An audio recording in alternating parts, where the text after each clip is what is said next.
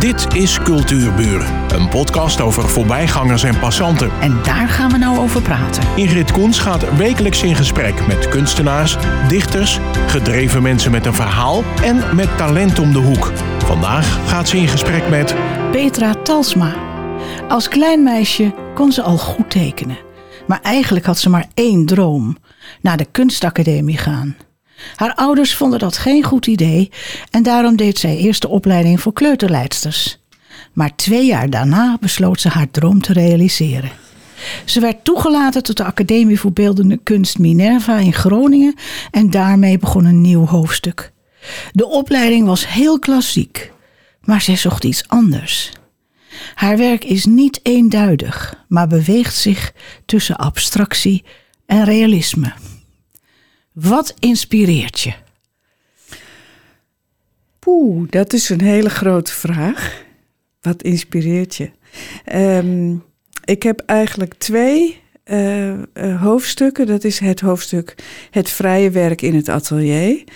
Waar ik uh, in feite kan doen en laten wat ik zelf wil. En het andere hoofdstuk is het werk aan projecten. Dus dat zijn Bijvoorbeeld, er komt een vraag naar mij toe: wil je een expositie doen? Bijvoorbeeld, nu loopt er een expositie in de Grote Kerk in Alkmaar. En dan vind ik het heel erg interessant om dan te kijken: wat voor plek is dat? Wat vraagt die plek? Wat nodigt die plek uit om te doen? En uh, om dan van daaruit een, uh, een plan te gaan maken en een project te gaan uitvoeren. En uh, dat vind ik ook heel spannend om dat te doen. Omdat je dan met de actualiteit van een plaats of een situatie iets kunt doen. En uh, ja, dus de, de, dat zijn de beide, de beide hoofdstukken die ik, uh, die ik interessant vind. Dus jij begint echt met het gevoel, de sfeer, de emotie in het, uh, het, het gebouw, zeg maar even, waar je een expositie gaat neerleggen. Ja, bijvoorbeeld, ik kan het wel een beetje concreter maken in uh, bijvoorbeeld de kerk. Ik kreeg uh, de vraag uh, om samen met Marianne Duif daar te exposeren.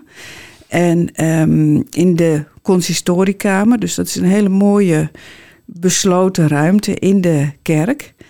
En ja, een kerk is natuurlijk een hele speciale plek. Die kerk functioneert niet meer als religieus centrum. Dus het is nu een soort cultureel centrum geworden met exposities en uh, evenementen en concerten en uh, bedenk het maar. Maar het is wel van oorsprong is het een, een gebouw waar die, dat gemaakt is voor het vieren van de religie. Je kan de sfeer niet wegnemen. Nee, dat blijft daar. En uh, uh, ja, de kerken hebben natuurlijk een hele andere plek gekregen nu. En ik kom zelf uit een uh, nogal streng gereformeerd milieu. Dus ik ben, dat is mij met de paplepel ingegeven, ook alle verhalen. En dat is natuurlijk een hele grote culturele rijkdom. De, de Bijbelverhalen, want je hoeft maar het stedelijk in te lopen en je ziet de, de Bijbelfiguren. Dus dat is voor mij is dat een mooi extra. En dan zie je dus dat in uh, eigenlijk twee generaties die kennis uh, verdwenen is.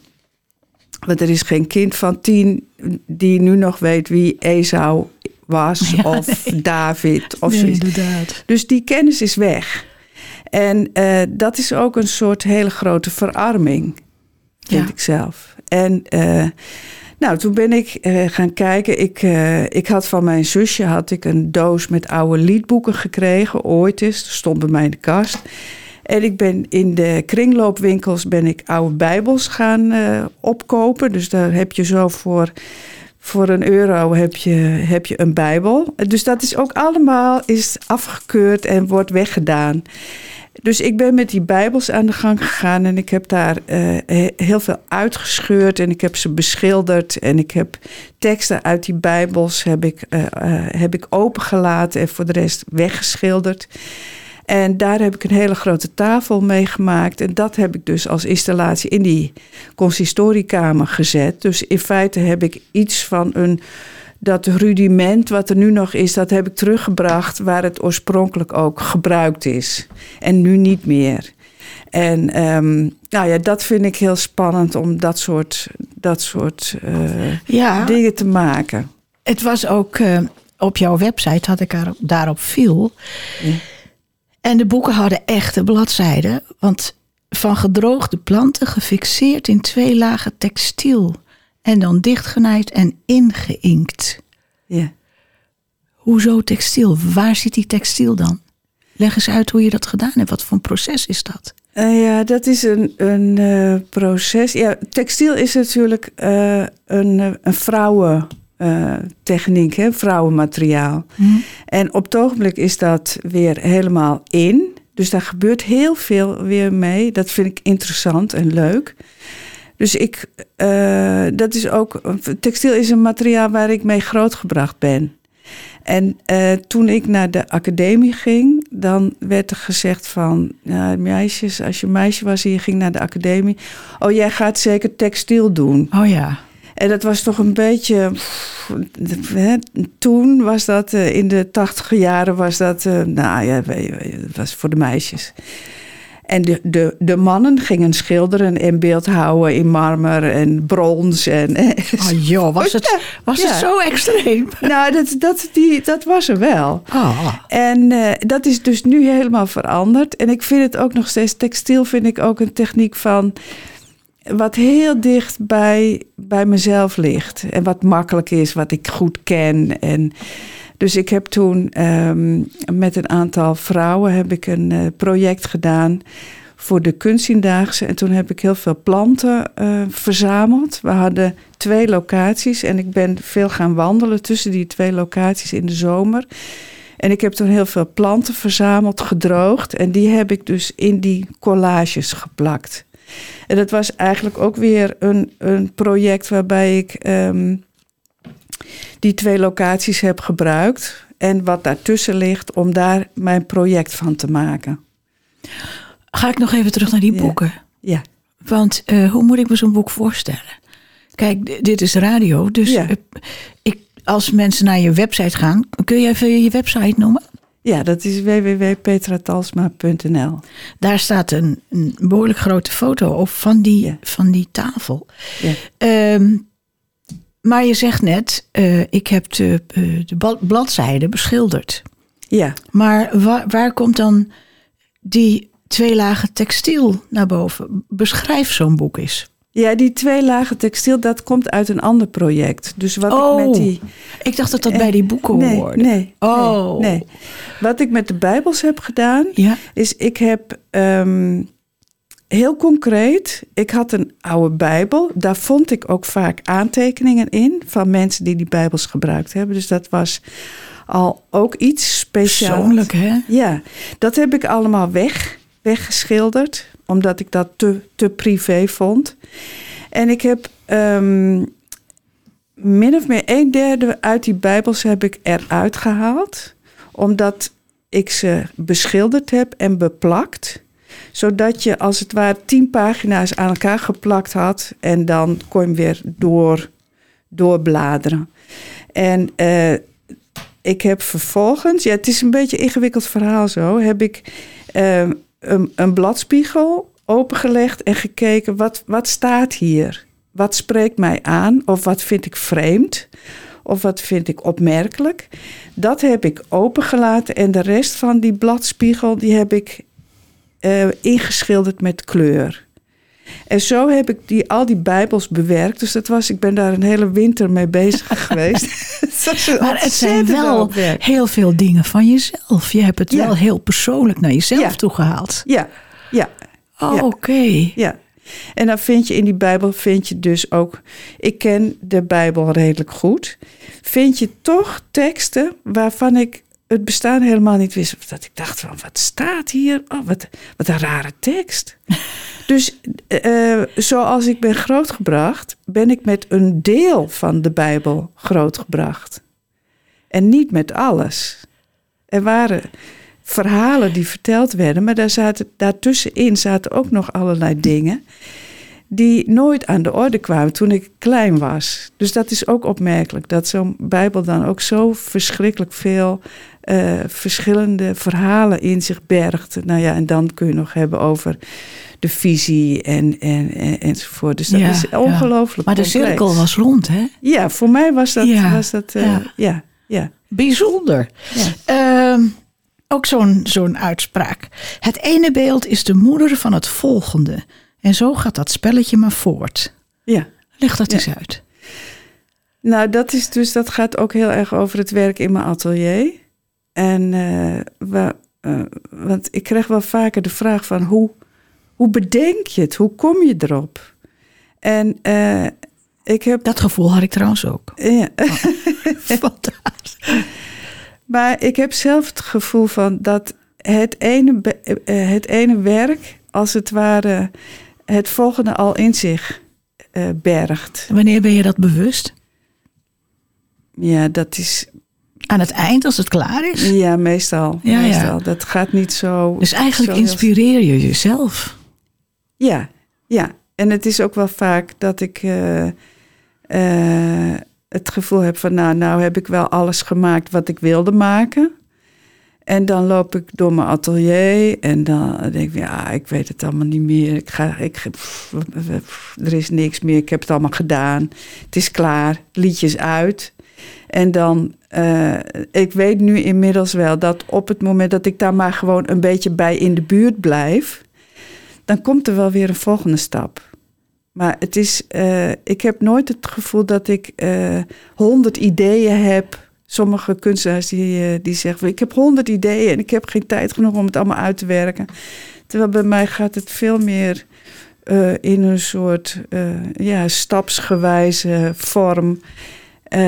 waarbij, ehm, waarbij ik niet zelf als een, als een dolle eh, eh, 30 ideeën moet gaan zitten uitwerken. Zo, zo werkt het bij mij in Ja, ieder is een geval stuk rustiger, geloof ik. Ja, dat denk ik wel. Ja, ja, ja. ja. Ehm, je maakt steeds meer beelden en installaties. Staat ook ergens in je, in je website. Ja. Maar wat Ja. deed je daarvoor dan? Of wat voor andere dingen deed je nog? Eh, wat deed ik nog meer voor andere dingen? Nou, ik heb eh, wel veel eh, klein ruimtelijk werk gemaakt.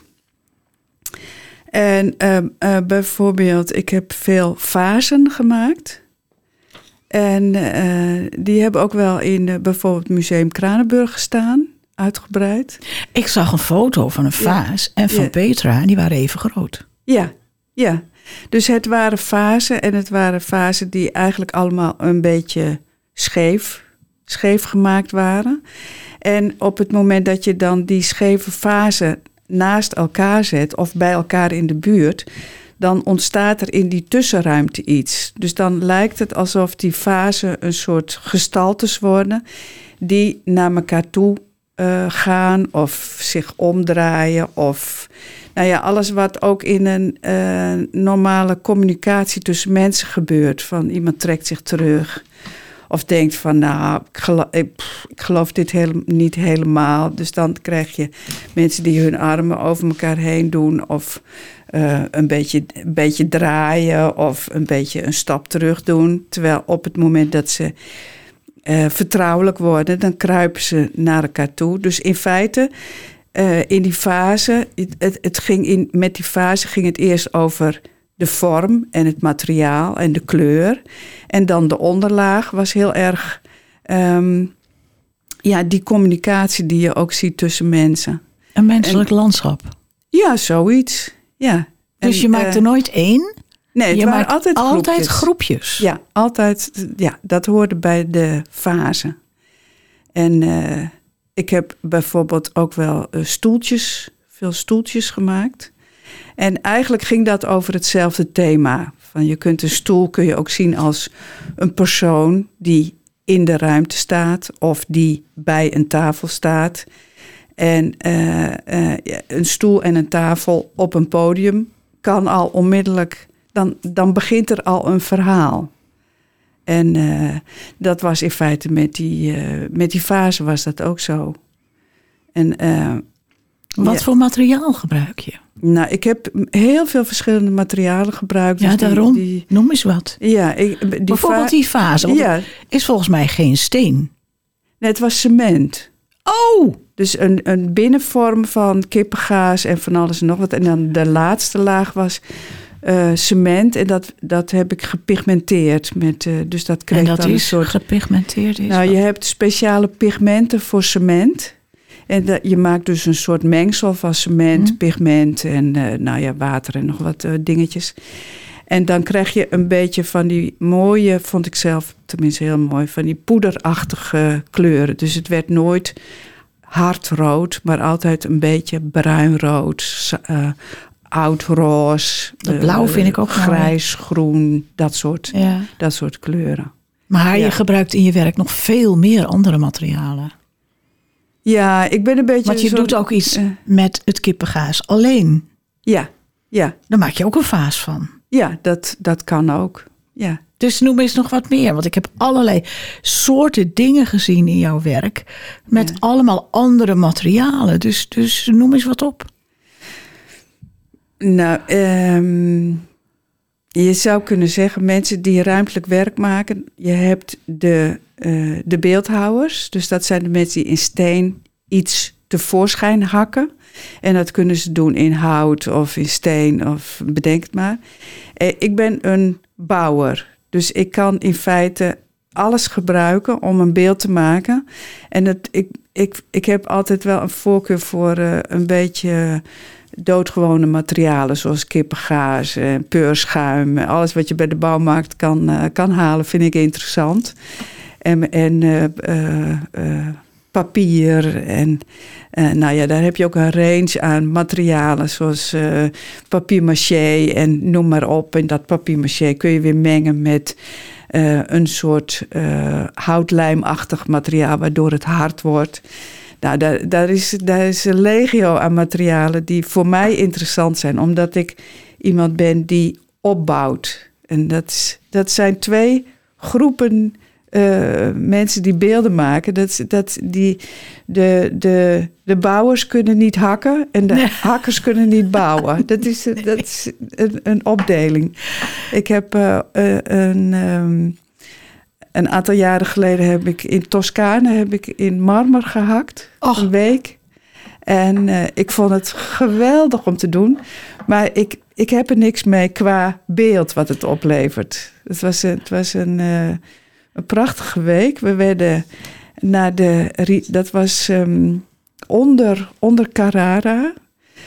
Daar in die buurt. het. marmergebied. Ja, het marmergebied. En dan werden we... eh, aan het begin van die week werden we naar een rivier gebracht... waar stenen in de rivier lagen. Dan koos je je steen uit eh, groot genoeg om er een week aan te werken. Dan had je een professor die keurde je steen of daar interne barsten eh, in zaten. En dan ging je een week met die steen aan de gang. Nou, ik vond het fantastisch. Maar die steen aan het begin van de week vond ik veel mooier dan wat ik ermee gedaan had. Want die steen uit die rivier, die was al perfect. Die Ja. was al zo prachtig gemaakt door de natuur. precies wat je bedoelt. Ja? Ja, dus ik had daar. Nou, sommige mensen maakten er echt iets moois van. En ik, hij ligt bij mij in de tuin, maar ik heb met het eindresultaat heb ik niks. Nee. Terwijl dat hakken op zo'n helling in Toscane is natuurlijk fantastisch. Ja, ja. ja, en je hebt het in ieder geval ook geprobeerd. Ja, ik heb het Ja, je hebt het geprobeerd. Ja, ja.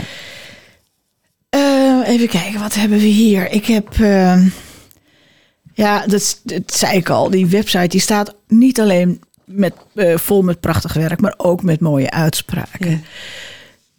Als de werkelijkheid begrijpelijk was, zou er geen kunst bestaan. En dat is een uitspraak van Albert Camus. Ja. En die staat bekend als de absurdistische filosoof. Ja. Ehm, heeft dit betrekking op jouw kunst? Dus als de werkelijkheid begrijpelijk was, zou Ja. er geen kunst bestaan. Ja, ik denk dat dat. eh, eh, onze werkelijkheid, de werkelijkheid, is zo complex. dat er altijd een gebied overblijft wat je niet begrijpt. Wat je echt niet begrijpt. En ehm, eh, de meeste mensen leven gewoon op een niveau waarbij ze de werkelijkheid gebruiken. Van je, je, je hebt je auto, je rijdt ergens heen, je, eh, Je hebt je doel bereikt, je doet wat je moet doen, je pakt je auto enzovoort enzovoort. Terwijl um, bijvoorbeeld een auto is al zo'n ongelooflijk onbegrijpelijk ding. En uh, uh, je kunt ook niet leven in het besef dat alles onbegrijpelijk is, maar een, een, een blad, een blad aan een boom is al een onbegrijpelijkheid. En uh, ja, daarin is de wereld, wordt de wereld ook heel interessant. En dat is ook het gebied waar, uh, uh, waar kunst uit voort kan komen. Want wij, wij leven natuurlijk in een universum wat in feite totaal onbegrijpelijk is. Als je naar boven kijkt, dan, dan stopt het al van wat daarboven aanwezig is. Ik, ik snap er helemaal niks van. We dus weten heel veel nog niet. Wij weten heel veel niet. Weet je dat dat mij een stukje zekerheid geeft? Oh ja, ja. Je schrijft ook ergens: de materialiteit is problematisch genoeg. Bedoel je daar dit mee? Ja. Ja, ja inderdaad. Ja. En ja. Uh, als ik uh, uh, kijk naar je, naar je werk, dan is het inderdaad. Het zijn composities. Je kan het geen installaties noemen. Het zijn composities. En die heb je gemaakt van dingen die er eigenlijk al waren. Ja, ja. Het zijn uh, uh, die voor het oprapen liggen. Ja. Waarom zie jij ze wel en wij niet? Ja, ik weet het niet. Het is natuurlijk ook, ik, uh, ik, ik heb mijzelf daar ook in geoefend, denk ik. En uh, ja, je hebt de, de, de grote kunst en de grote kunstenaars die het grote werk maken. Terwijl ik, ik zelf heb heel vaak het gevoel van de, uh, het interessante ligt vlak voor je neus. Alleen je moet het wel zien. Je moet het willen zien. Hoe leer je dat? Ik weet het niet. Ik weet niet hoe je dat leert. Is dat ook kijken naar dat bloem, boomblad? Ja, ik denk het wel ja, te, terug kunnen keren naar, naar uh, iets wat, wat heel simpel voor je neus ligt. En uh, wat, wat in feite ook onbegrijpelijk is en daardoor zo interessant. Ja, ik, ik weet niet precies hoe je dat zou moeten leren. Dat is natuurlijk een soort geaardheid. En dan kun je ook uh, terugkeren op bijvoorbeeld mijn opvoeding en mijn gereformeerde opvoeding. Ik denk dat daarin ook een gebied zit waarvan ik, ik ben als klein meisje heb ik altijd gedacht van, klopt dit wel, deze verhalen die, die ik krijg, is dat wel waar? En, en er werd gezegd, ja, God bestaat. En ik, dat is natuurlijk een normale reactie, dat je dan denkt van, ja, is dat wel zo? Dus dat is dat wel zo. Die vragen, die zijn er vanaf jongs af bij mij geweest. En uh, dat is natuurlijk ook een hele grote rijkdom. Want daar komt de filosofie ook uit voort, bijvoorbeeld. Maar ik denk dat misschien dat, dat het daar wel ook uh, uh, begonnen is. Dat je altijd denkt van, ja, klopt dit wel? Ja, is ja. het wel waar? Maar die academies, die hebben je ja. toch ook wat geleerd? En vaak over Ja. de grote meesters. Ja, ja zeker. Maar voelde je je daar op zijn plek? Of hij zei je dan ook, dacht je dan ook van, nou, Ehm, nou, bijvoorbeeld op de academie in Groningen, waar je dan eh, eh, in de eerste instantie vrij klassiek werd opgeleid. Daar, heb ik ook heel veel van geleerd hoor. We hadden eh, een eh, docent tekenen die heel streng was. En nou, moest je oefenen, oefenen, oefenen en werken, werken, werken. En eh, leren tekenen, leren kijken, model. Daar heb ik heel veel van geleerd. Maar uiteindelijk had ik het gevoel van... ik ben niet iemand die een stilleven schildert... en daar genoeg aan heeft. ik vind dat heel duidelijk. Ik ga eindigen met een hele mooie zin, want het is alweer om. Misschien is veel van mijn werk terug te voeren tot het verlangen te kunnen rusten in het moment. Ja, Dank je wel. oké. Dit was Cultuurbuur. Een podcast van Ingrid Koens en Streekstad Centraal. Bedankt voor de aandacht en tot de volgende Cultuurbuur.